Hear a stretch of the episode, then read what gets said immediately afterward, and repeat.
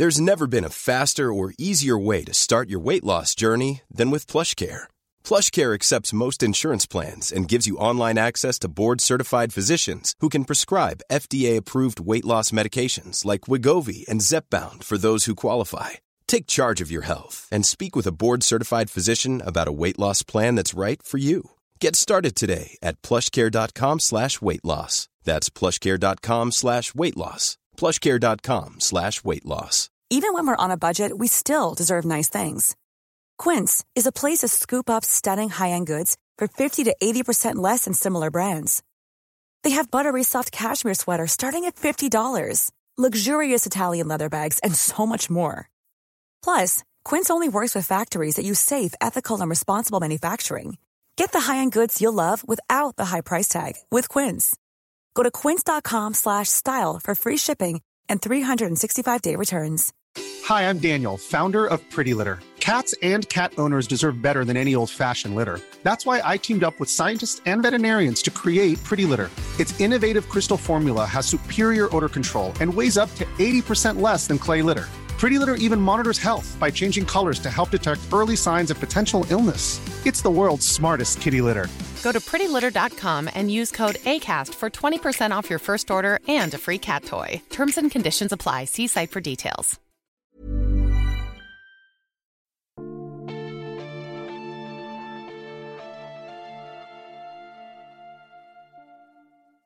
Välkomna till Sagan om Isfolket-podden avsnitt 27 Synden har lång svans Jag heter Dan och med mig har jag Anna. Hej Anna!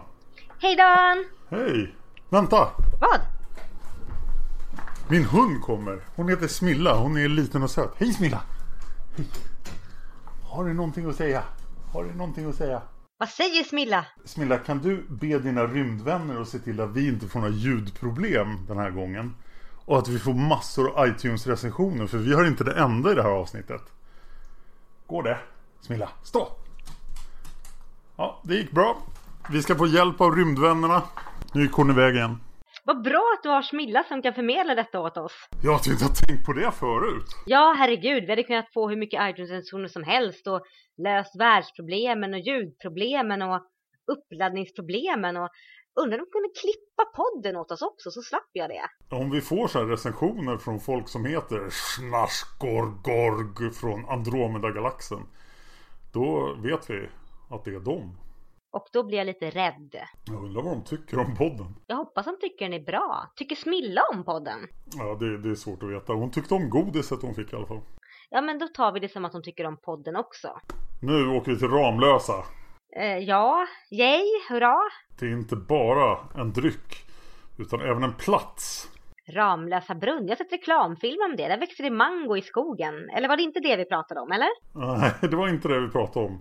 För det är stackars, eh, eller Christer Tomasson som ska åka dit med sina föräldrar. För Thomas behöver ju lite konvalescens. Precis, Thomas, Tulas man som eh, hoppar runt på kryckor nu och faktiskt kan använda benen rätt hjälpligt. Han verkar inte må så bra dock. Han verkar inte må så bra. Vi har ju haft ett stort tidshopp här nu från förra boken på uh, rätt många år också. Ja, det är ju så här vanligt tidshopp att man får liksom en generation som växer upp. Och nu har vi ju, vi har ju följt Anna-Maria, Tula och Eskil och nu är det ju första barnet i nästa generation, alltså Christer. Så vi har ett rejält tidshopp och jag vill bara säga att morfar Arv har ju dött och det blir jag jätteledsen av för det mindes inte jag. Stackars Arv, han var en trevlig kille. Ja, han var typ en av de vettigaste karaktärerna. Fast han var med så lite och inte hade någon egen bok. Ja, men han gjorde ett bra intryck. Är det någon mer som har dött? Nej, inte som jag ser, som är av eh, vikt i alla fall. Vinga lever fortfarande, Anna-Maria, Gunilla Grip lever fortfarande, Erland Backa brötar på. Ja, med sin fina slussjobb. Vad har hänt med Erland förresten? Han blir ju dummare och dummare för varje bok. Ja, han blir verkligen dummare och dummare. Han var inte så smart till att börja med, men... Uh, han blir lite pajas jag minns att han i vargtimmen ändå var en sån här hyvens kille, kanske lite så här blunt och rakt på men inte jättekorkad. Och nu framstår han ju som snäppet över idiot. ja, ja, man, ja det, det, så är det. Ja, när han håller de här när han vandrar runt i lagren och håller militära sessioner med djuren och kor korpral Katt. Då blev jag så här, vad är det som händer med Erland? Ja, det lät ju lite väl knäppt faktiskt. Han kanske skulle behöva en sväng till barmhärtigheten. Ja! Där de tar hand om de sinnessvaga. Precis, på allra bästa sätt. På allra bästa sätt. Och dyrt är det också. Ja, definitivt. Och så må man betala för ett rum med fönster. Ja, och då har vi alltså Christer Thomasson då som är helt övertygad om att han är den drabbade eller den utvalde. Ja, någonting är han övertygad om i alla fall. Och hur han kan leva kvar i den här villfarelsen är ju eh, lite förvånande. Men det gör väl för en bra historia, antar jag. Ja, det är lite uppfriskande med en person som är så otroligt naiv som Christer är. Ja, han kände, jag tyckte på något sätt han påminner lite om Eskil. Men ännu mera over the top. Ja, inte lika, ja vad ska man säga, inte lika självupptagen. Jag störde mig inte lika mycket på Christer som jag störde mig på Eskil i förra boken. Ja, Christer är ju mycket roligare. Jag tror Christer är Eskil om man hade haft Tula som mamma. Definitivt. Gud, Tula som mamma måste ju varit helt briljant. Ja, när mamma faktiskt kan trolla. Ja, precis. Jaha. Det måste ju förstöra ens världsbild lite grann. Ja, Faktiskt, jag minns ju när man som barn sprang runt och bara Titta här, det här! Och mamma bara, äh, jag trollade fram typ en, jag trollade så alla grejer vek sig i kofferten automatiskt. Häxa! Ja, kanske inte så konstigt att Christer är som han är ändå. Nej, och han är ju en frisk fläkt verkligen. Han gör ju... Jag, jag blev förvånad faktiskt när jag läste den här boken. För jag hade väntat mig en till bok i Eldafjord eh, kvalitet. Men den här var betydligt intressantare tycker jag. Definitivt. Jag tycker presentationen av både Christer och Thomas när de är på Ramlösa brunn är ju så jättefin. Ja, och, och Christer träffar den här flickan då, Magdalena Backman. Mm. Som ju inte har det så bra, men hon fick ju träffa Christer så då blev hon gladare. Precis, de skulle skriva brev till varandra, men sen så kommer det ju inga brev. Nej, och Ja, hur många tonåringar kommer ihåg någon som lovade att skriva brev för tre år sedan? Men Christer kommer ihåg det. Ja, det är också en sån här grej som hade kunnat bli icke trovärdig men samtidigt visar hur fin Christer är. Han, han föll verkligen för Magdalena när han var ung och det är en tonårsförälskelse och de håller ju i sig. Ja, den här verkar ju hålla i sig ganska rejält. Ja, han letar ju och han drömmer ju om henne och ja, hoppas ju liksom att hon kanske ska skriva men det kommer inget brev. Nej, och sen är det party i Linköping då efter att familjen har flyttat till eh, Bodensberg. Och slussarna Ja, vad skulle de göra? Ja, Göta kanal var det ja. Precis, Balsar von Platen får vara med lite och det om man rör sig där i trakterna i Linköping och så här så är Balsar von Platen ganska populär kille fortfarande. Han är det? Gator uppkallade efter honom och statyer och torg och allt möjligt. Spännande. Jag får erkänna att det var en del av de här historieåtergivningarna här i boken som jag störde mig på för de tillförde inte mig så mycket som läsare. Men då kanske det gör det för dem i Linköping. Ja det tror jag absolut. Min fru är ju från Linköping och eh, jag tror hon var tvungen att vara med i någon pjäs om Balsar från Platen och så här när hon gick i grundskolan. Så att han, han är definitivt berömd i Östergötland. Ja, där ser man. Det som var onyttigt eller oviktigt för mig var ju viktigt för andra. Ja, jag var, var faktiskt vid Göta kanal i somras. Okej. Och tittade på den. Men då blir party i Linköping, då måste man ju gå. Precis, Tula tar med sig eh, Christer dit för hon har ju hört att Backman ska komma dit och då blir det avslöjanden. Det är ju inte Magdalena Backman, det är en falsk, det är, det är Magdalena Backman, det är fel Magdalena Backman. Precis, och Christer som är den här spontana själen han säger ju detta högt och tydligt. Skandal! Skandal! Kan verkligen höra det här liksom tystnaden när bara knappnålen faller och alla bara ja, nu blev det en awkward stämning här. Ja, och då måste han undersöka det. Precis, för att det, ingenting stämmer ju och även fast då den här fru Backman kommer till slut och säger att när den riktiga Magdalena dog så är det ju saker som inte stämmer. Men jag började smälta ordentligt för den här boken då som hundägare när han skulle rädda lilla Sasha. Åh Sasha! ja, Sasha är jättegullig. Ja, herregud, mitt hjärta smälte också. Jag blev bara så här, men finaste, finaste lilla hunden. Ja, och han räddar Sasha och tar med sig Sasha. För att de tänkte ju döda Sasha. Ja, men det lyckades de inte med. Det är också ett väldigt effektivt sätt som Margit eh, eh, cementerar skurkar, att de är elaka mot djur. Ja, det, så är det ju. Klassiskt kännetecken på Margit skurk. Precis. Så det är lite tydlig giveaway där, men Sasha är så charmig så jag kan leva med det. Ja, jättecharmig faktiskt. Även fast jag inte riktigt blir klar på vad det är för ras. Nej, det ska vi prata om sen när vi kommer till fel och missar. Okej. Men så då blir det ju så att Thomas och Tula börjar ju undersöka det här. Vart har Magdalena Backman tagit vägen? Den riktiga Magdalena Backman. Ja. Jag får ju säga att jag är ju väldigt, väldigt förtjust i paret Tula och Thomas. Ja, de är ju lite roliga. Det är fart på dem. Och Thomas vill hänga med där och inte känna att han är ett black om foten. Men han gör ju ett fantastiskt bra jobb med att hålla kvar Tula bland människorna. Ja, det märks så tydligt i den här boken eh, mer än någonsin hur splittrad Tula är som drabbad. Jag tror inte vi sett det här i någon annan drabbad sedan Sol tror jag. Nej, det är ganska mycket det är ganska mycket Sol, eller hur? Men Sol hade aldrig någon Thomas. Precis. Och det är en intressant kontrast eftersom boken om Tula då, Ängeln med dolda horn, där såg vi det väldigt tydligt men då fick jag ändå intrycket när jag lade ner boken att nu så kommer det bli bra för nu har hon hittat sin Thomas men här märker man att Tula får ju kämpa konstant hela tiden och det blir värre. Det är inte bra nej och Thomas är ju eh, inte i så bra skick som man börjar bli orolig för vad som kommer hända. Nej, för det är ju inte bara benen, eller hur? Det är hjärtat också. Ja. Nu har ju för Heike varit där och pillat på honom när boken är översatt. Då brukar ju allting bli bra. Mm.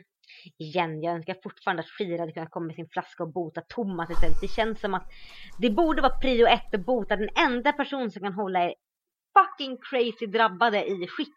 Det borde vara prio att bota någon hjärtsjuk eller hjärnsjuk barn från någon random Eldafjord by någonstans. Kira har uppenbarligen en cool down på 30 år på sin hela folks problempower. Precis. Och hon slår lite slumpmässigt. De bara så här, hon bara krona så blir det Thomas, Klave så blir det Jolin. Ja, ah, det blev Jolin. Okej, så nu måste Tom eh, Christer åka till eh, Anna-Maria och Karl Simon. Precis, och det blir ett fint återseende för dem har jag saknat jättemycket. Och anledningen att åka dit är för att där bor eh, Magdalenas morfar. Som Magdalena ju faktiskt talade väl om. Mm. Och Kohl jobbar ju som, han jobbar i någon verkstad som den här morfadern äger så där finns ju kopplingen in. Yes.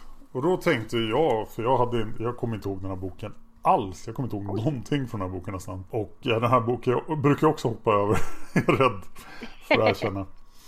Men eh, då tänkte jag, nu får vi träffa Saga. Men det fick vi inte Nej. förrän mycket senare i boken. För hon är ju grovt försenad. Jätteförsenad. Men alla andra i generationen har följts åt hyfsat bra under. Så är Anna-Maria och Cool, de är barnlösa. Ja, nu måste vi prata om det här alltså. För det är alltså förfäderna som har fördröjt Saga. Så tolkar jag det. Ja, jag tolkar också så. Bara, ni får inte ha barn när ni är unga för ni, vi måste ha två drabbade samtidigt. Precis. Och min fråga är, hur långt in i framtiden kan de drabbade förfäderna se? Ja, jag funderar också på det. Men just i det här fallet så finns det ju faktiskt eh, en tidpunkt som de vet. Så att de behöver inte vara synska för att göra det. Det är helt sant. Och det ska vi prata mer om senare i en annan bok.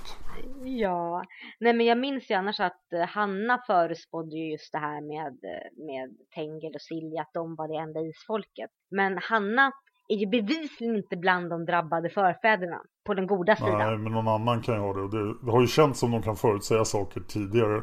Ja.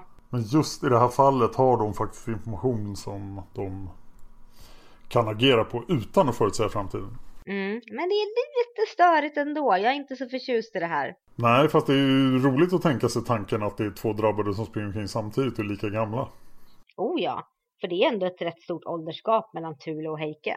Ja, och det är ju intressant när drabbade är, interagerar med varandra. Precis, för det närmaste vi har haft det nu som har varit jämngamla och då är ju Willem och Dominic och Niklas, de var ju utvalda så det är en helt annan sak. Ja, men Saga är ju inte drabbad får vi reda på också. Nu hoppar vi ända fram till Sagas födsel här. Precis. Men hon föds ju och jag och Anna blir jätteglada. Ja, för det bäddar upp för den bästa boken någonsin! Ja, och hon är bara paradutvald från början. Det är så här, ingen tror att hon är drabbad överhuvudtaget. Hon bara, jag har jättegula ögon, men alla bara, ja, hon är jättebra.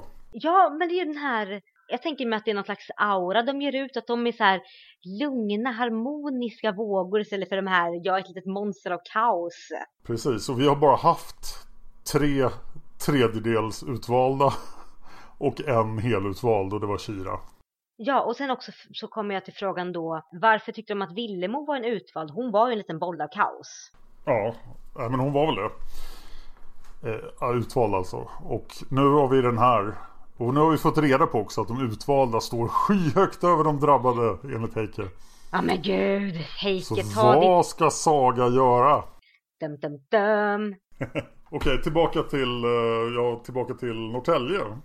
Ja, Till Molin. ja, gamle farbror Molin som verkar jättetrevlig och mysig och väldigt, väldigt sjuk. Ja, och eh, ja, intressant karaktär faktiskt. Påminner lite om eh, advokaten som hjälpte Heike och Vinga tyckte jag. Ja, just det. Men Molin var mycket hårdare på något sätt. Jättemycket hårdare. Men det känns som att han har ju allt att vinna och förlora på det här och han har själv format sitt liv och inte är beroende av någon. Han sitter liksom högst upp på rangskalan. Advokaten som Heiko Vinga fick hjälp av var ju längst ner på rangskalan på ett sätt för han hade ju blivit fråntagen allt. Ja, det är sant. Den här, eh, det här skulle vara Snivel om han var någorlunda sympatisk. Åh gud vilken läskig tanke. Ja, mm. Ja. Usch, usch, jag hade förträngt Snivel. Fy, påminna mig om honom. Så, då börjar mysteriet upplösas här. Ska vi... Vi har ju en vana att skildra mysteriet från... Från den andra sidan. Försöka analysera vad det var som faktiskt hände. Ja, ska vi försöka med det? Det försöker vi på. Vi har alltså den här mystiska incidenten då när... Eh, vad ska vi kalla honom? Pappa Backman. Han är alltså gift med mamma Backman. Ja. Men han har suttit supit tillsammans med Ida Berg. Som kanske var hans älskarinna innan eller inte. Jag tolkar det som att, han var, eh, som att hon var hans älskarinna. Ja, och hennes kusin då Erik Berg. Precis. Doktor Berg. Mm-mm. Eller doktor Ljungqvist. Ja, Ljungqvistberg. Och där har han råkat nämna så här, tänk vad kul om jag vore enkeman. Då hade jag kunnat lägga an på dig Ida. Typ ungefär. Ja. Så då bara mördar de mamma Backman. Men hon måste ju varit en älskarinna. Varför skulle hon annars haft nyckel in? Det känns ju jätteologiskt. Ja men hon har ju snott nyckeln kom det ju fram senare. Just det, ja. För han hade ju inte Han har ju inte gett henne nyckel. Gud. Jättehärva. Och det är väl den sista personen man vill ska ha nyckel Ens älskarinna. Det verkar ju dumt. Det verkar faktiskt jättedumt. Helt rätt. Men hon är väldigt, hon, de vill ju ha åt de här massiva pengarna som finns på mamma Backmans sida. Men pappa Backman får dem ju inte. För att pengarna har ju morfar Molin skrivit på Magdalena Backman. Precis eftersom det är hans enda arvinge då efter att eh, mamma Backman dör. Men vi får inte glömma Julius Backman också. Den eh, feta och konstiga brodern till pappa Backman. Som råkar vara med där då när det här händer. Och får reda på allting. Ja, ja och det var också Julius Backman som Christer träffade första gången han träffade Magdalena, nämligen på Ramlösa brunn. Ja, han slog mig som, i och för sig han var tjock så att man insåg att det här är en skurk. Men att han blev mördad och sådär, det var lite överraskande.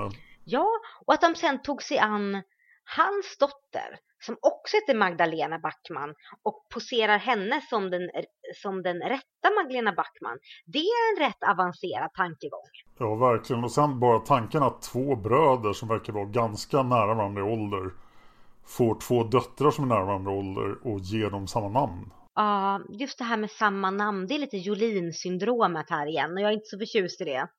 Nej, Och det hade ju varit en sak om de hade gett då den andra Magdalena det falska namnet Magdalena, men hon heter ju faktiskt Magdalena från början. väldigt förvirrande. Eh, och sen då börjar Julius utpressa dem så han är liksom, han är med på den här plotten. Men han blir mördad och vem, vem mördar honom egentligen? Det måste vara Ida Berg och Erik Berg igen. Jag tror det är Erik Berg och Ida Berg, ja. Eftersom han försökte få ut mer pengar tolkar jag det som. Var pappa Backman inblandad i det? Alltså jag tolkar ju pappa Backman som en av de största mesarna och eh, mesarna och medskyldiga någonsin. För han gör ju aldrig något konkret. Det är inte han som mördar sin fru. Det är inte han som mördar sin bror. Det är inte han som på ett sätt säger att Magdalena ska till det här barmhärtigheten för att plågas. Men han går ju med på allting, han vet ju om det. Och så står han och bara nej men det är så hemskt, jag tvår mina händer men jag kommer ju få pengar så det är lugnt. Och det är inte han som eh, besöker Magdalena på barmhärtigheten heller. Nej precis och vi har också fått... Det gör ingen. Nej. Och vi får också fastslaget att han är en dålig far som bara bryr sig om sin nyfödda, ja, sin fyraåriga son eftersom han är pojke. Så det, det är inte mycket, det finns ju inga försonande drag hos den här eh, skurktrion Erik, Ida och pappa Backman. Ja, det känns ändå som att Ida och Erik Berg är lite värre på något sätt. Eller så är de bara då att de går till handling medan pappa Backman mest sitter och drömmer om Tänk jag vore enkeman. Tänk ifall jag kunnat bli av med min bror som pressar mig på pengar. Ja. Ah, tänk ifall jag kunnat få bry mig mer om min son och min dotter kunde försvinna tills hon fick sitt arv och sen försvinna för gott. Det känns som han är den som säger massa saker och de är de som gör. Så jag vet inte riktigt vem det som är värst. Det, det var ett ganska komplext förhållande mellan dem tycker jag. Det var lite intressant. Men de får inte så mycket utrymme annars, förutom att de är stereotypskurkar. Ja, det är de ju. Mm. Och de är verkligen genomruttna. Mm, det är de verkligen. Som sagt, inga försonande drag alls. Och det märker man ju när de vill döda lilla Sasha. Ja, det är ju en dödssynd i Margit-böcker. Men den här då Dr. Berg Ljungqvist som också då är, som han stöter på hemma hos Molin. Hur lyckades han bli Molins läkare? Jag vet inte riktigt. Det känns som en svag punkt i planen. Ja, men om man tänker på det, om han, han hade ju bra rekommendationer från alla hans anställda, liksom ja. alla hans arbetsgivare. Eh, ung, duktig läkare som var framåt. Och i och med att han bytte sitt namn från Berg till Ljungqvist och suddade bort de här punkterna som kunde härleda honom någonstans så kan jag tänka mig att han kanske bara snackade sig in. Han känns som en snackig person. Ja, det kanske gjorde. Han kanske etablerade sig i Norrtälje och sen fick han kontakt med Molin och sen lyckades han nästla sig in. För det känns ju inte som att pappa Backman rekommenderade honom eller något sånt där. Nej, för det känns som att relationen mellan pappa Backman och morfar Molin är ju inte bra. Nej, verkligen inte. Nej, och den blir ju sämre och sämre. Ja, och eh, vid något tillfälle här då så kallas ju Heike in som vanligt. Precis. Vilken bok i ordningen är det han kallas in nu? Det är ju... Om vi räknar med Gunilla så... Det är bok nummer... Som han kallas in eller där han, han börjar? Eh, nej, eller liksom där han kommer som den hjälpande mannen. Eh, en, två, vi ska se, vi har bok 21 som är vargtimmen. Ja. Jag räknar inte Demonen och Jungfrun eller Våroffer för det är faktiskt Heikes och Vingas egna böcker. Så är det ju. Så vi har eh, Djupt i jorden, Ängen med dolda ord, Huset i Eldefjord. Så det är bok nummer, fy, bok nummer fem han kallas in. Det är femte boken när Heike dyker upp som hjälten i lådan. Mm, men nu är han gammal. Nu är han 62. Ja, det är svårt att inte gilla honom alltså. Det... Ja, Alltså han kommer ju in sån här patriarken och med det här vita håret och han har liksom hållit på länge och det är fint! Ja, jag tyckte Molins reaktion när han såg honom var väldigt, väldigt rolig. Hur ser ni ut? Hur ser ni ut egentligen? ja, men han var smidig nog att inte säga det högt. Ja, det var, det var ju smart. Ja. Hela det där när de hänger i Molins hus och funderar runt mysteriet, det var förvånansvärt intressant tycker jag. Mm. Och jag gillar betjänten väldigt mycket. Ja, mycket bra bipersoner. Betjänten och så har vi en bra polis en gång till. Väldigt bra polis. Visserligen är båda väldigt anonyma. Det är betjänten och polismästaren men de driver historien framåt och säger en del om människorna som både Kohl eller som Kohl och Anna-Maria umgås med. Vilket är kul. Ja, det låter som ett, ett bra gäng där uppe i Norrtälje. Ja, man kanske borde flytta dit. och så just att vi får se de här huvudkaraktärerna från tidigare böcker agera och göra saker. Det är ju trevligt som Tula och Kol Simon. Ja, precis. Men vi får ingen Vinga. Nej, verkligen inte Vinga. Vinga är hemma. Ja. Och vi, får ju, vi förstår ju att det finns något problem med Eskil och Solveigs son. Som väl vi förmodligen ska ägna hela nästa bok åt. Yay. Viljar. Ja, som är en ensamvarg och inte riktigt vill säga någonting eller vara med någon eller göra någonting alls. Ja, det låter som att han är autistisk. Det låter som att han behöver en spark i röven och en insikt i att gårdarna behöver honom sluta vara tonårsemo. Det är väl det som han fick av eh, Heike också. Lite grann innan Heike åkte. En spark i baken? Ja, på Heike-vis. Ja, det med Heike pratade med honom lite försiktigt och försynt. Ja, Eh, visst känns det som att Heikes krafter har blivit större här när han håller på att Ja. hela folk. Det gick ju väldigt lätt. Nu var ju Molin inte så sjuk egentligen. Han var ju bara förgiftad. Nej men det känns som han har växt jättemycket i kraft och jag funderar på om det eh, beror mycket på att Heike faktiskt har mognat över åren och faktiskt börjat tro lite grann på sig själv. Så kan det vara. Nu, nu är han ju oldfader för han har väl varit så här patriark fisfolket ganska länge. Ja, men i och med att Arv, Man kan väl argumentera för att arv var det förut igen. Men ja, men i och med att Arv har dött nu så är ju Heike verkligen den enda de har att vända till. Plus att han är, han, sit, han är den enda de har i Norge också. jag blev ju lite chockad då när jag läste den här boken och kom fram till det som vi måste prata om nu. Mm. Rymdhundarna. Jag vill inte! vad, vad sjutton. Jag vet inte vad som hände. Jag slungades ur berättelsen in i någon slags eh, dålig version av en ding-ding-värld. Och så här, bara kände, vad, vad händer? Och varför skulle Heike tro på det här? Och vad är, va? Jag, jag har i alla mina dagar varit intresserad av övernaturliga saker. Jag har läst otroligt mycket böcker och artiklar och konstiga webbsidor om Bigfoot och ufon och allt sånt. Men den här teorin har jag aldrig hört talas om någon annanstans. Inte jag heller.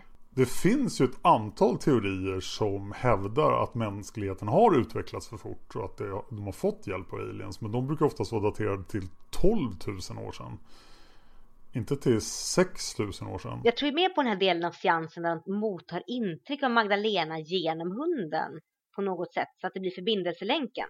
Ja, det, så långt kan man följa med. Men utomjordingar som förmedlar saker genom hunden, vad i hela Häcklefjäll? Och då tycker jag ändå om övernaturliga grejer också, var påpeka. Men det här blev lite för mycket för mig. Ja, och det konstigaste var ju att utomjordingarna var ju inte bara väldigt kommunikativa. Utan de hade koll på var Magdalena Backman var. Ja, precis. Har de inget bättre för sig än att bara, ja ah, just det, ja, ja men det har vi. vi liksom, det är som någon slags avancerad utomjordisk form av Wikipedia. Antingen är de utomjordingstrollkarlar. Eller så har de skapat då jordcivilisationen för 6000 år sedan. Bara för att kunna ha hela jorden som en stor reality show. Så att de behövde bara kolla i deras wiki för jorden. för att se.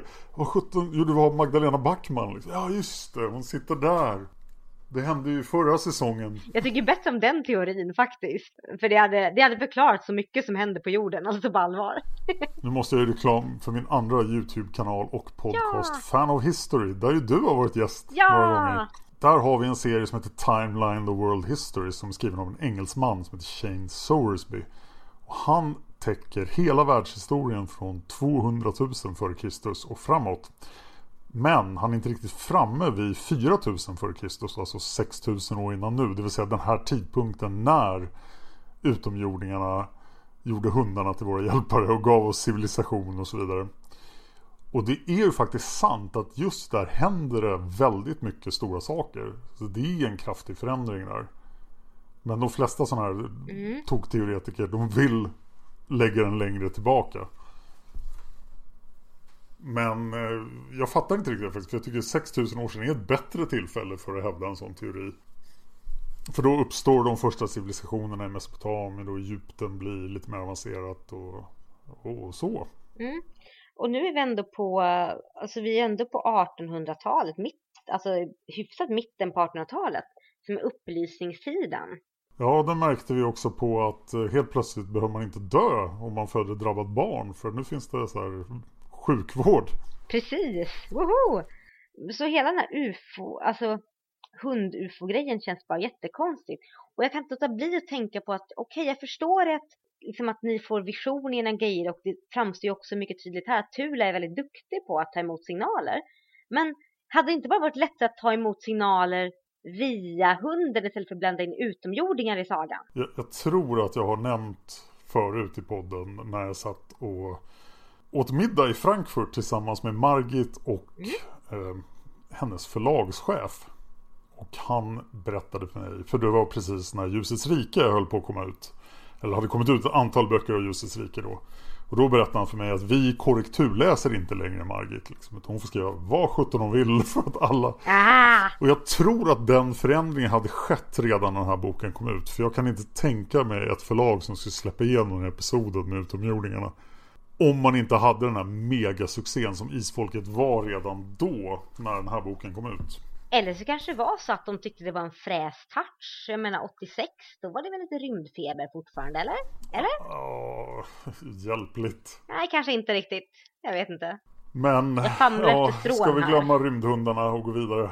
Ja, jag vill också bara poängtera igen, de hade kunnat göra det här på ett bättre sätt. Det här, men så kom jag på också att Sol gjorde ju det här i eh, avgrunden, spårade, spårade försvunna personer via föremål. Så det kanske bara är Margit som inte vill upprepa sig. Ja, för att om det vore så här att man kan kontakta utomjordingar genom hundar så undrar jag varför Mm. vi inte i bok 28 till 47 har liksom alla isfolket konkades omkring på hundar och så bara Hej rymdvarelserna!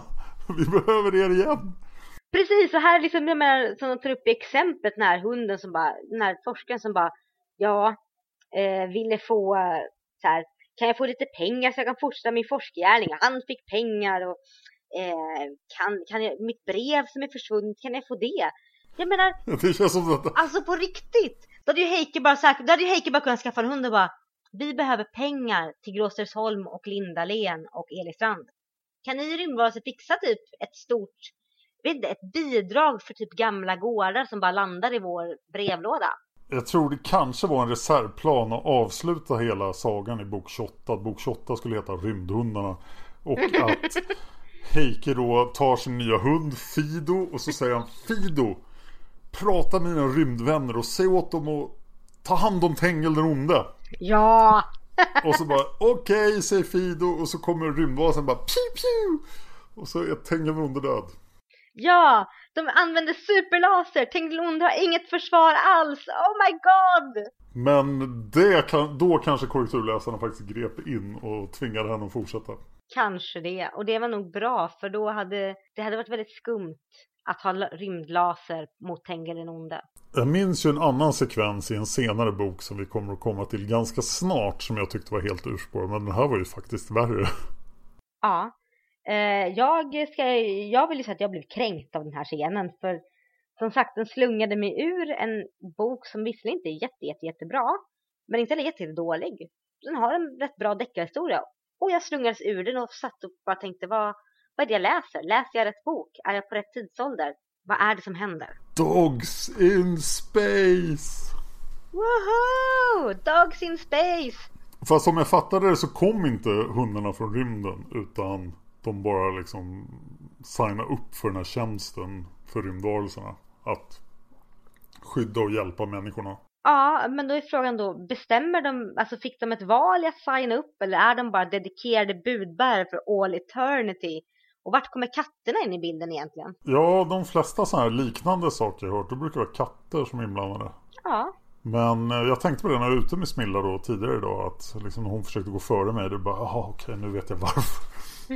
Okej, inga mer rymdhundar. Vidare i historien. vidare i historien. Men rymdhundarna berättar. Oj, det är barmhärtigheten som gäller. Så vi åker dit och kollar. Precis, och hur, ja just det, de kollade i sin Wikipedia. Så de åker till barmhärtigheten och ska kolla där. Och det här är ju typ kanske det mest deprimerande stället vi någonsin har varit på. Ja, vi har ju sett sådana här ställen tidigare. Eller åtminstone så här samlingar av stackars eländiga. Jag var förvånad lite grann om vi inte fick se Fick närmare kontakt med de andra eländiga. Det nämns ju en massa stackars personer som sitter där. Men vi får inte se dem befrias och hur glada de blir som vi har sett i tidigare böcker. Nej precis, som de som Villemo stötte på. Och det allra konstigaste av allting det är att inte alla dårarna får flytta till Gråstensholm. Ja det är jättekonstigt. Men det är väl isfolket har ju dåliga år så de bara äh, alltså de, de, de klarar sig säkert. Vi löser det på något sätt.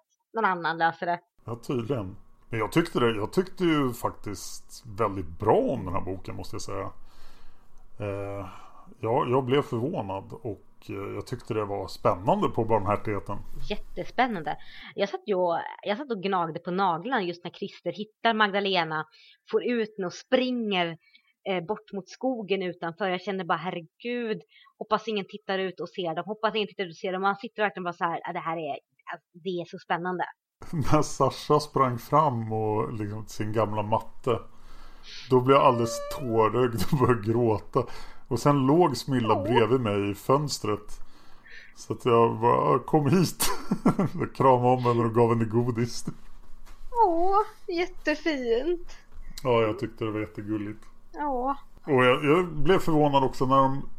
Det blir spännande när de blir jagade och... Och Christer och Magdalena måste ta sig genom skogen. Så tänkte jag i... I nästan alla historier man någonsin har läst så skulle de här tre ryttarna dyka upp igen. Och så skulle de ha en till konfrontation med dem och precis komma undan. Men det hände ju inte här. Ja, eller kanske ta någon gisslan eller Ja, så. men de bara letar på fel ställe och kom aldrig tillbaka i historien.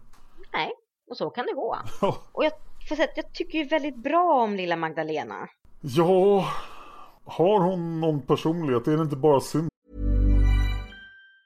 If you thought the only way to get a more defined jawline with natural looking results was through surgery, think again. Juvederm Volux XC is a non surgical injectable gel filler that improves moderate to severe loss of jawline definition and can help you achieve natural looking results with little downtime. Even better, this improved definition lasts up to one year with optimal treatment. No maintenance required. Improve jawline definition for a smooth, sculpted look with Juvederm Volux XC. For important safety information and to find a licensed specialist, visit juvederm.com. That's J U V E D E R M.com. Not for people with severe allergic reactions, allergies to lidocaine, or the proteins used in Juvederm. Common side effects include injection site redness, swelling, pain, tenderness, firmness, lumps, bumps, bruising, discoloration, or itching. There's a risk of unintentional injection into a blood vessel, which can cause vision abnormalities, blindness, stroke, temporary scabs, or scarring. Talk to a licensed specialist to find out if it's right for you.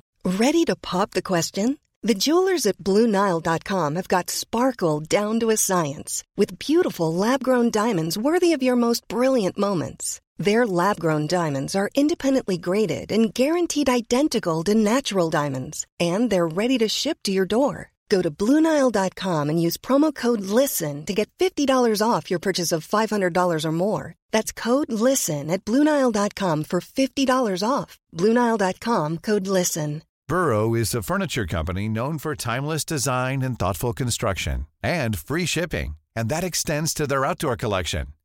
Their outdoor furniture is built to withstand the elements, featuring rust-proof stainless steel hardware, weather-ready teak, and quick-dry foam cushions.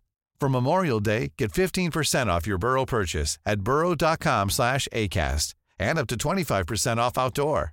That's up to 25% off outdoor furniture at burrow.com slash ACAST. Menar. Alltså det är ju mest bara synd om henne.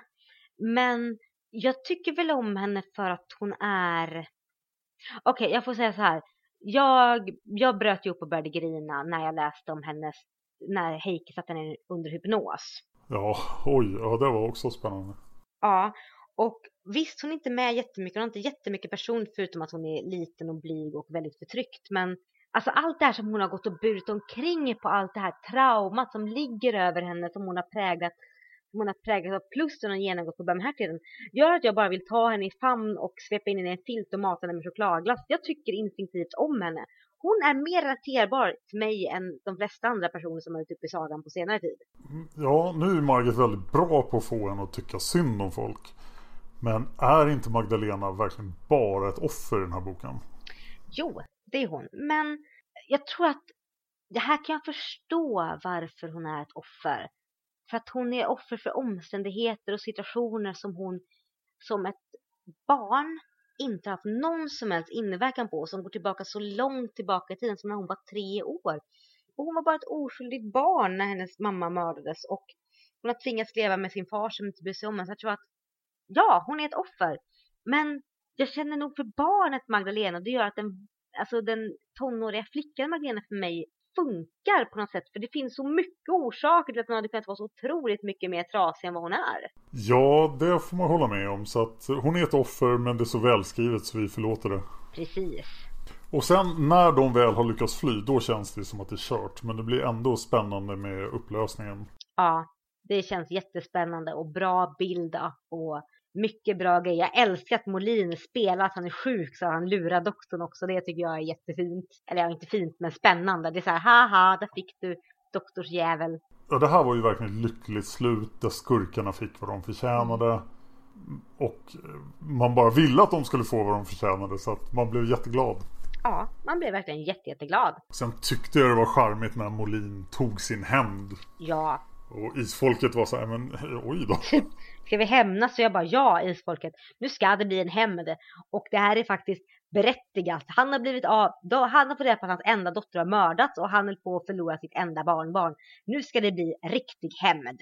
Men vi får inte reda på riktigt vad som händer med Ida och Erik. Nej, det får vi väl inte va? Nej, men de var ju åtalade för mycket hemskare saker än vad pappa Backman var. Så att uh, man får ju anta att de, jag, jag trodde faktiskt att de skulle, att man skulle få reda på att de avrättades då. För det var väl standardlösningen på 1800-talet. Ja, jag skulle gissa på att uh, de uh, avrättades. Det är märkligt att det inte nämns. Men det har vi ju varit med förut, om förut också. Ja, men det, det är som du säger märkligt i och med att de säger ju att Backman, alltså exakt vad som hände Backman. Sen kommer då den märkliga avslutningen. Oh, Gud, jag orkar inte. Att vi, allting är lyckligt, de har den där jättefina pussen. Mm. Och, men sen åker de tillbaka till Linköping då. Sen kommer den här mystiska när, när Sol får alla att tappa kläderna. Ja, det är så här, man bara, vad händer nu? Så ni kunde inte hjälpt någon gång tidigare med att få folk att tappa kläderna. Det gick bra. Och sen också det, he, genom hela boken. Jag tycker om Christer med hans naivitet, att han tror att han kan trolla och fortfarande fortsätter att tro på det hela tiden konstant. Ja. Det kulminerar ju här någon slags, alltså någon slags buskis.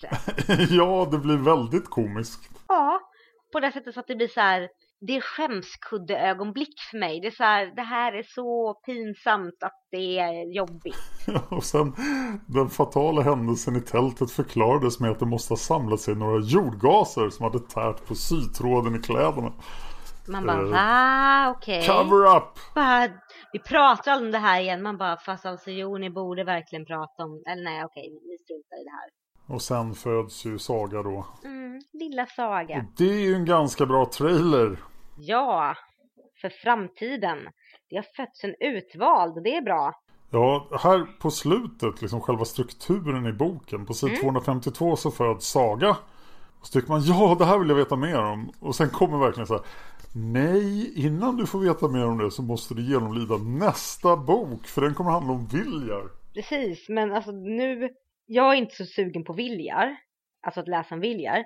Däremot så tycker jag Margit bäddar upp det väldigt snyggt att det var nu omkring år 1840 som mörkret föll över isfolket. Och då känner jag den här, oh, det här kan bli lite mm. jobbigt att läsa om. Men på ett bra sätt, för jag vill verkligen veta vad som händer. Även fast det kommer bli jobbigt säkert. Det kommer det säkert att bli. Ja. Ska vi ta lite synpunkter då från våra kära lyssnare? Och om ni vill lämna synpunkter inför kommande böcker så går ni lämpligtvis till vårt forum som finns på isfolket.se. Klicka på forum, regga där och vi lägger upp en tråd i ganska god tid innan vi spelar in. Och där kan ni lämna synpunkter. Ja, precis. Och den första synpunkten kommer från Villemo Cool. Vi ställde våra tre standardfrågor. Vad tycker du om boken? Vilket är bokens bästa ögonblick? Och vilken är din favoritkaraktär? Och Villemo Cool svarar. Jag tycker att denna boken känns lite som en sidobok. Dock tycker jag att det är en av de bättre sidoböckerna. Jag personligen tycker inte att boken för sagan vidare mer än att Christer finner en partner. Och det brukar ju vara resultatet av sidoböckerna, att någon hittar en partner. Eh, angående några av karaktärerna så känns Magdalenas familj minus hennes morfar som en typisk skurkfamilj. Vi har sett den här familjen förut. En överklassfamilj som vill utnyttja en släkting för att få tag i en ännu större förmögenhet. Konceptet har blivit lite uttjatat. Fake Magdalena känns som en fullvuxen version av den odrägliga flickan från djupt i jorden. Och det får mig att känna att den här familjekonstellationen känns uttjatad. Själva mysteriet med att de finner ledtrådar till var Magdalena finns tycker jag speciellt första genomläsningen var väldigt spännande. Mindes inte delen där de tog hjälp av aliens. Och det sänkte betyget kraftigt för mig. Jag måste säga att jag verkligen hade glömt bort den delen. Alltså jag, det var, jag fattar inte hur jag kunde glömma något sånt. För att den var så dålig så man vill förtränga den. Eh, Willem och Cool fortsätter. Jag tycker Margit har tillräckligt mycket fantasi för att lö lösa och knyta ihop trådar. Utan att ta hjälp utav aliens. Bokens bästa ögonblick är när betjänten byter ut rosorna och Christer tror att han kan trolla. Det visar mycket på hur naiv han är och det blir ännu mer roligt när han tror att han kan förvandla en blåklocka till en klänning. Oh yes, håller helt med. Favoritkaraktär och varför? Svår fråga men jag tror att Magdalenas morfar tar priset. Han verkar som en genomgod karaktär. Ja, och nästa svar kommer från fröken Anna-Maria som skriver Den här boken gillar jag inte särskilt mycket. Oj! Den för inte handlingen vidare i någon stor utsträckning utan vid Sagas födsel. Karaktärerna håller inte vad de lovar. Anna-Maria och Cole har tappat hela sitt sociala engagemang. Sällskapsdam och guvernant och adelsbarn. Förman på en verkstad. Vart tog upplevelsen och erfarenhet från ytterheden vägen? Jag tycker faktiskt att Margit begått det rena karaktärsmordet här på några av mina favoritkaraktärer. Är det bara för att hålla kvar kopplingen till sina egna förfäder? Det hade väl gått att ha den kontakten ändå och samtidigt låta Anna-Maria Kohl starta en skola för arbetarbarn i Norrtälje. Här är jag riktigt sur. Heike och Tula har plötsligt inga egna förmågor utan måste förlita sig på utomjordingar i sökandet efter Magdalena. Sol på sin tid kunde hitta försvunna barn av egen kraft. Varför inte de två? Och vad jag vet återkommer det där utomjordingar aldrig mer i Isfolkesagan, tack och lov. Christer är naiv på gränsen till genomkorkat. Magdalena är bara söt och hjälplös och tar inga egna initiativ. Skuldfamiljen är stereotyp som vanligt. Det är lätt att hoppa över boken. Favorithändelser? När Christer kör rally med rullstolen på Ramlösa brunn och pappa Thomas suckar Men Christer då? Och när Tula packar väskan. Samt Sagas födelse. Favoritkaraktär? Tula, när hon visar sitt go och anamma och trollar. Och när hon kör bort Heike från hundens framända, för nu får hon versioner. Fröken Anna-Maria avslutar med att säga tur att det finns bättre böcker i serien. Sen har vi Mamma Tova som ju var gäst i ett tidigare avsnitt. Ja! Hon tycker att boken är den sämsta i hela serien. Oj, oj, oj. Och det är inte att säga lite. En krystad, putslustig huvudkaraktär. Den enda som ger en glimt av värde är att den utspelar sig där jag bor. Det är roligt. Förfäderna kliver in och blir lite putslustiga de också genom att strippa ett festsällskap. Något viktigt och värdefullt dör. Oj, oj, oj. Fina scener. Heike hypnotiserar Magdalena för att få reda på vad hennes drömmar handlar om. Riktigt bra, engagerande och spännande. Läser som i trans, den enda suveräna scenen i boken. Övrigt jag reagerar på att Heike kommunicerar med rymdvarelser genom en hundrumpa. Det måste vara seriens absoluta lågvattenmärke. Och så kommer ett citat då. Åh, det var skönt, ljuvligt. Ett ögonblick svindlade oroväckande för honom. Om det var kärleksrus eller sabadillättikan ska vara osagt så släppte han långsamt hennes läppar. Ja. mm. Du fick norska! Ja, för det är Silja Angrimsdatter som har skrivit och hon skriver så här. Detta är en ganska spännande detektivhistoria och jag tycker om sådana, också isfolket-inpackning. Huvudpersonen Christer är en förnöjlig ung man. Sen när man är på gränsen, sen när man är naiv på gränsen till dum ibland, det kan jag inte annat än gilla honom för. För han tillför mycket komik, både frivillig och ofrivillig. Men den största grunden till att jag gillar boken är nog att fyra av mina allra största favoriter i serien alla är med här. Thomas, Tula, Cool och Anna-Maria. Jag skulle bara önska att de hade varit mer involverade i handlingen, speciellt Cool och Anna-Maria som är lite ute i periferin. De verkar dessutom lite tama i denna boken. Jag saknar en lite uciviliserade och råa men likväl omsorgsfulla Cool och den starka och handlingskraftiga Anna-Maria. De andra har behållit rätt mycket av sina personligheter. Bokens bästa ögonblick. Jag vill ta fram två stycken. Den första är då Thomas har måste har varit tvungen att lägga sig för att vila och Tula pussl, eh, pysslar om honom. Hon är så energisk att han måste be henne ta det med ro, för annars kommer han slita ut henne helt. Och nu ska jag leta upp den här eh, på svenska i boken. Ja, annars kommer jag göra en mischmasch av den här serien. Ja, det kanske blir enklast. Nu ska vi se här. Jag kan säga under tiden att eh, jag har en teori om Kol och Anna-Maria. Oh, berätta. Slår mig. Det här, vi är ju nu framme vid 1840-ish. Och det här är ju tiden för de stora opiumhålorna. Opiumepidemin. Så att jag tror att Anna, Maria och Kol har varit ledsna att de inte kan få barn. Och de har funnit tröst i opium. Så att de sitter och är höga hela tiden. Och, och är liksom tillbakalutade och bara allting är okej. De känns lite så i den här boken. Kol kommer ju bort från opium när han är ute och har, gör de här uppdragen och åker till Manhattan och så vidare. Och då blir han lite handlingskraftig som förut. Så att de kommer ifrån opiumet. Mm, och då blir han normal. Eh, ja, Jag, jag har inte tänkt igenom det här så noga. Jag försökte bara fylla tystnaden. det är bra försök att fylla tystnaden. Vi säger att det är så, för det kan ju kanske förklara varför de är så väldigt lugna och stillsamma ibland. Den dolda opiumhistorien i Synden av lång svans. Ja, apropå det kan jag prata om också. Va? Va? Synden har lång svans. Ja, just det. Vad betyder det? Varför heter den här boken så? Jag har ingen aning. Nu har jag hittat stycket, så behåll den tanken så tar vi upp det sedan. Okej. Stycket som Silja Arngrimsdotter tyckte var bra är det här följande. Då la sig Tula ned till honom alldeles stilla och höll om honom. Lämna mig aldrig Thomas, aldrig, aldrig. Du känner inte den fulla betydelsen av vad du är för mig. Han smålog vemodigt. Jag tror vi älskar varandra mycket, mycket, viskade han. Ja, sa Tula tyst. Men det är mer, tillade hon för sig själv. Mycket mer. Med dig i ryggen kan jag vara som en vanlig människa. Stanna hos mig, Thomas, bad hon desperat. Han smekte hennes kind. Tula, den enda kvinnan han någonsin älskat och som han visste så lite om. Vad händer då när Thomas inte är där längre? Alltså, det. Tula kanske slås till ro och virkar löpare eller någonting. Får vi se. Säkert. ja, Silja Angensdotter fortsätter. Det andra ögonblicket som hon tycker mycket om är när Cool och Anna-Maria äntligen får sitt efterlängtade barn. De har så mycket kärlek att ge och de måste vänta så länge. Det är så fint att de får en liten, fi, liten fin flicka. Inte något odjur som Cool eller Sölve. Favoritkaraktär? Thomas, Tula, Cool och Anna-Maria är som jag redan nämnt alla favoriter.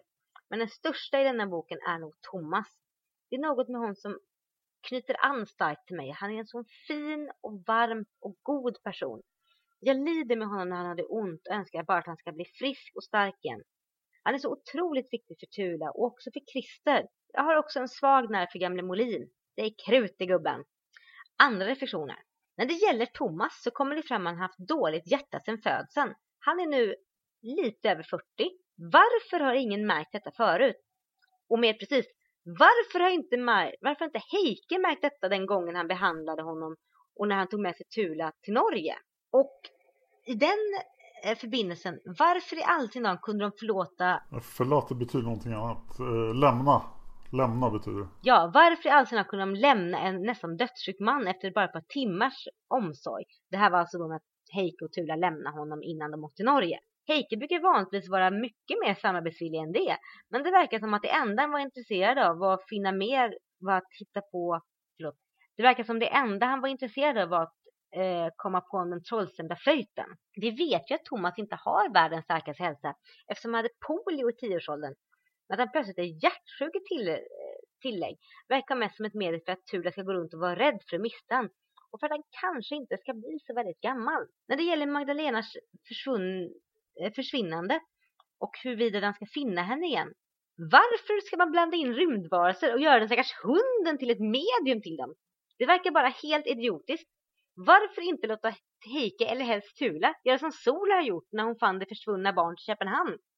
Det hade varit mycket mer verkningsfullt om de drabbade själva hade synska egenskaper och hade kunnat leta sig fram med hjälp av dem. Ja, det är jättemärkligt. Det känns verkligen som att det är den naturliga lösningen.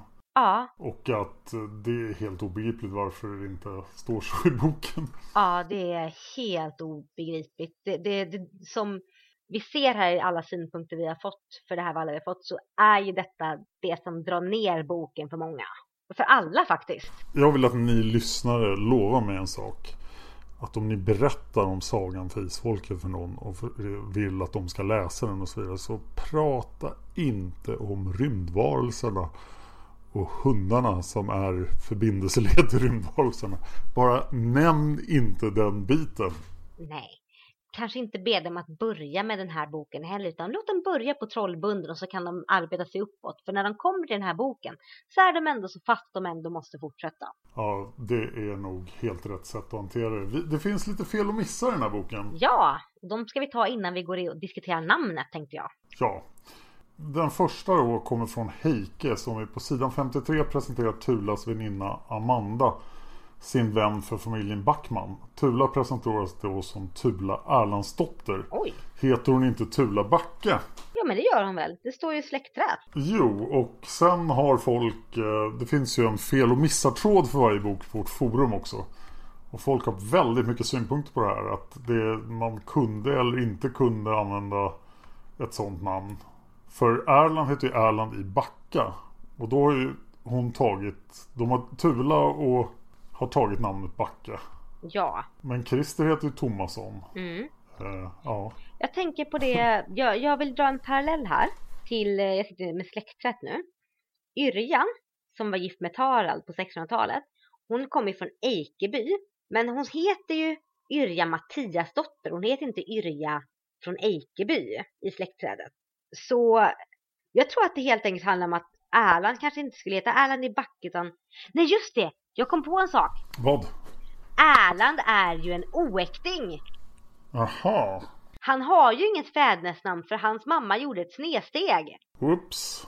Ja, så det är ju logiskt att han heter Erland i Backa, att han inte heter Erland någonting, någonting fadersnamnet för att de kan ju inte döpa honom efter fadern som bara gjorde hans mamma med barn för att det var utanför äktenskapet. Men det kanske är helt logiskt att Tula skulle ha hans namn, men att det inte står i släktet är ju bara jättekonstigt.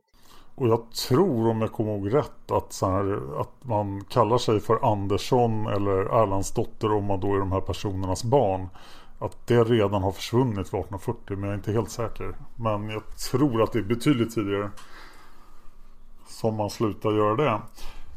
Eh, vi går över till nästa fel och miss. Ja. Och den kom från Gelash. Mm. Som säger på sid 148 står det Tyska var min barndoms tidigaste språk. Jag talade aldrig som barn. Jag lyssnade och lärde. Till och med min mor var tyska. Då säger Gelash, var de inte Wien? Då bör hon ha varit österrikiska. Var det inte dessutom så att Sölve talade svenska med Heike? Annars skulle han ju inte ha lärt sig det. Eh, ja, jag håller med vad Gelash säger. De var i Wien. Frågan är hur politiken såg ut där då. Det fanns något slags Habsburgs rike. Tysk-romerska riket fanns väl fortfarande.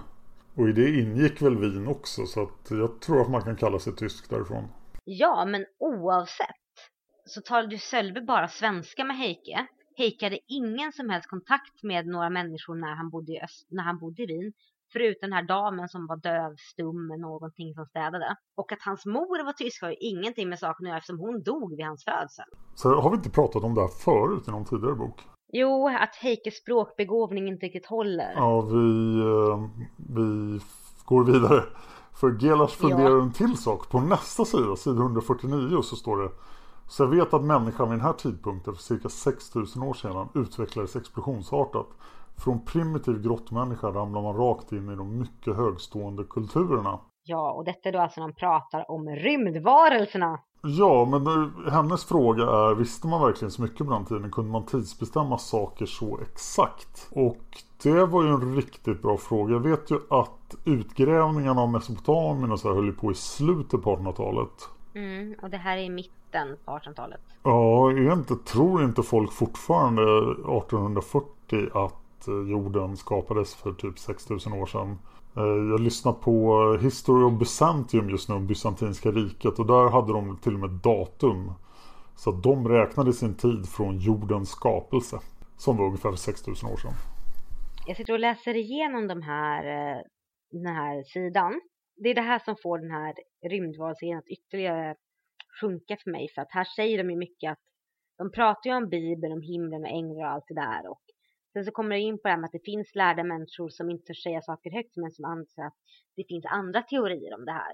Och det känns som väldigt nutida tankesätt som är påklistrade på 1840-talsmänniskorna som inte alls passar in där. Så jag är väl med dig att det här känns lite, lite fishy. Ja, vänta nu blir jag säker förresten. För att man kunde inte läsa de här gamla stenarna i Mesopotamien på den där tiden. Så att man bör absolut inte kunna tidsbestämma det där. Sen också, kände man verkligen till mayafolket på 1840-talet? Var mayafolket med?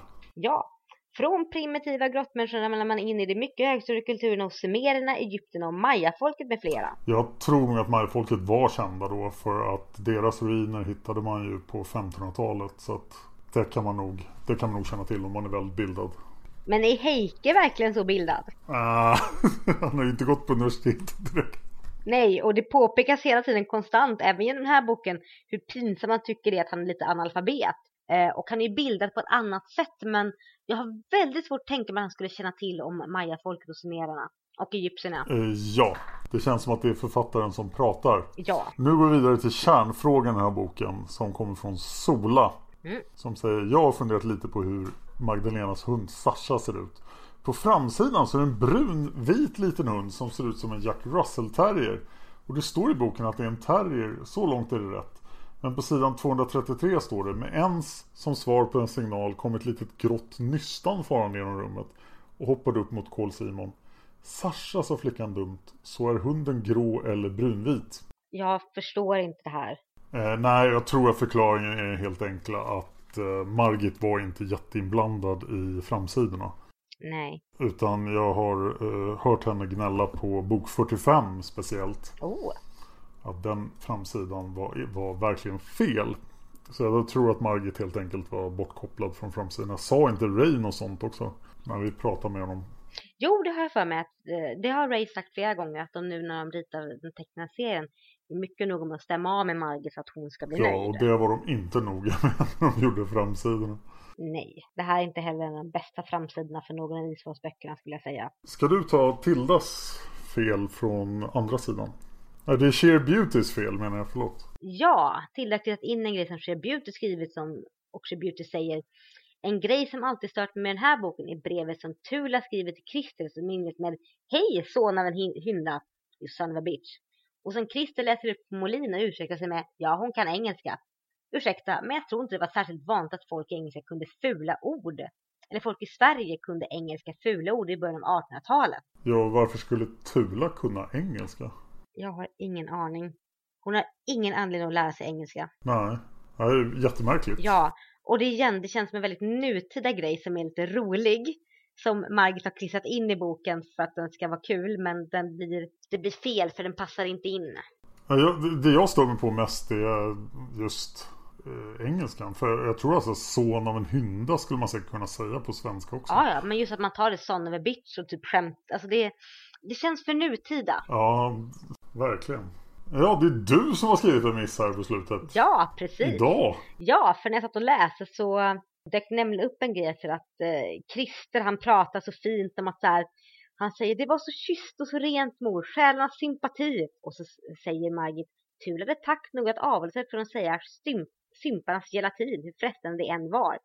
Och då undrar jag, gelatin, när började det användas? När blev det vanligt i 1800-talets Sverige? Eh, 1846 blev det vanligt.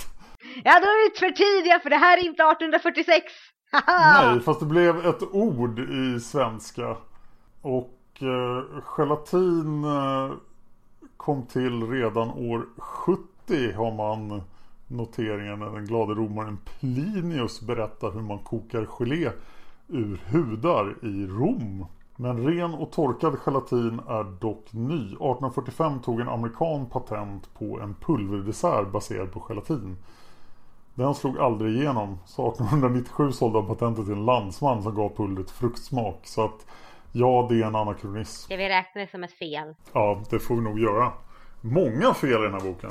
Ja, och de flesta grejerna är nutida uttryck som inte har i boken att göra. Och rymdvarelser. Ja, jag räknar dem som det. Men! Titeln, Synden har lång svans. Ja, förstår du den? Nej. inte jag heller. Okej, lyssnare kom på varför den här boken heter Synden har lång svans. Är det bara en allmän referens till att det finns syndare i boken? Eller, eller att den sträcker sig över tidsåldern? Är det ett tecken på att Sasha har en svans?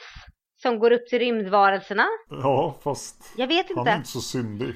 Kära lyssnare, skriv en rad om detta gärna på vår Facebook-sida om vad ni tycker om titeln och varför den heter som den heter. Ja, ni hittar oss på Facebook som Sagan om Isfolket-podden. Precis, hjälp oss reda ut detta för vi är helt borttappade vid det här laget. Mm.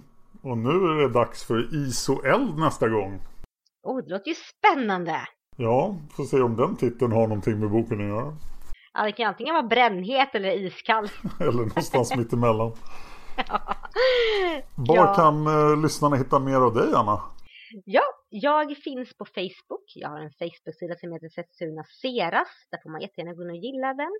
Där lägger jag upp lite olika grejer, lite saker jag skrivit, intressanta länkar och bilder på sådana kattungar. Sen har jag även en blogg, setsunaseras.blogspot.se. Och där skriver jag om eh, allt möjligt. Om rasism, om feminism, om min dag, en del om Pokémon Go också. Och eh, alla mina bloggposter de kommer jag ändå även posta ut på min Facebook-sida.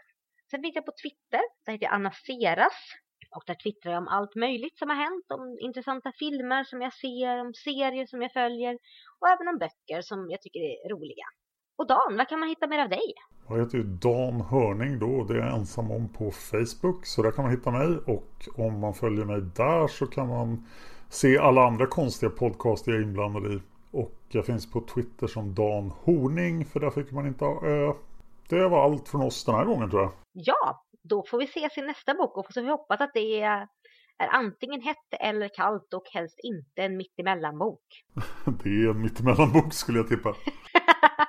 men vi får hoppas att den är bättre än en mittemellanbok och kanske inte innehåller utomjordingar. Ja, men trots utomjordingar jag tyckte nog det här var en av de bättre mittemellanböckerna. Många mittemellanböcker och vi har gått bet på de flesta av dem. Många mittemellanböcker på rad där känns det som. Ja. Men snart, snart blir det fart. Åh oh ja, snart blir det fart. Då är det bok 29. Oh! Ja. Bra. Hej då. Hej då.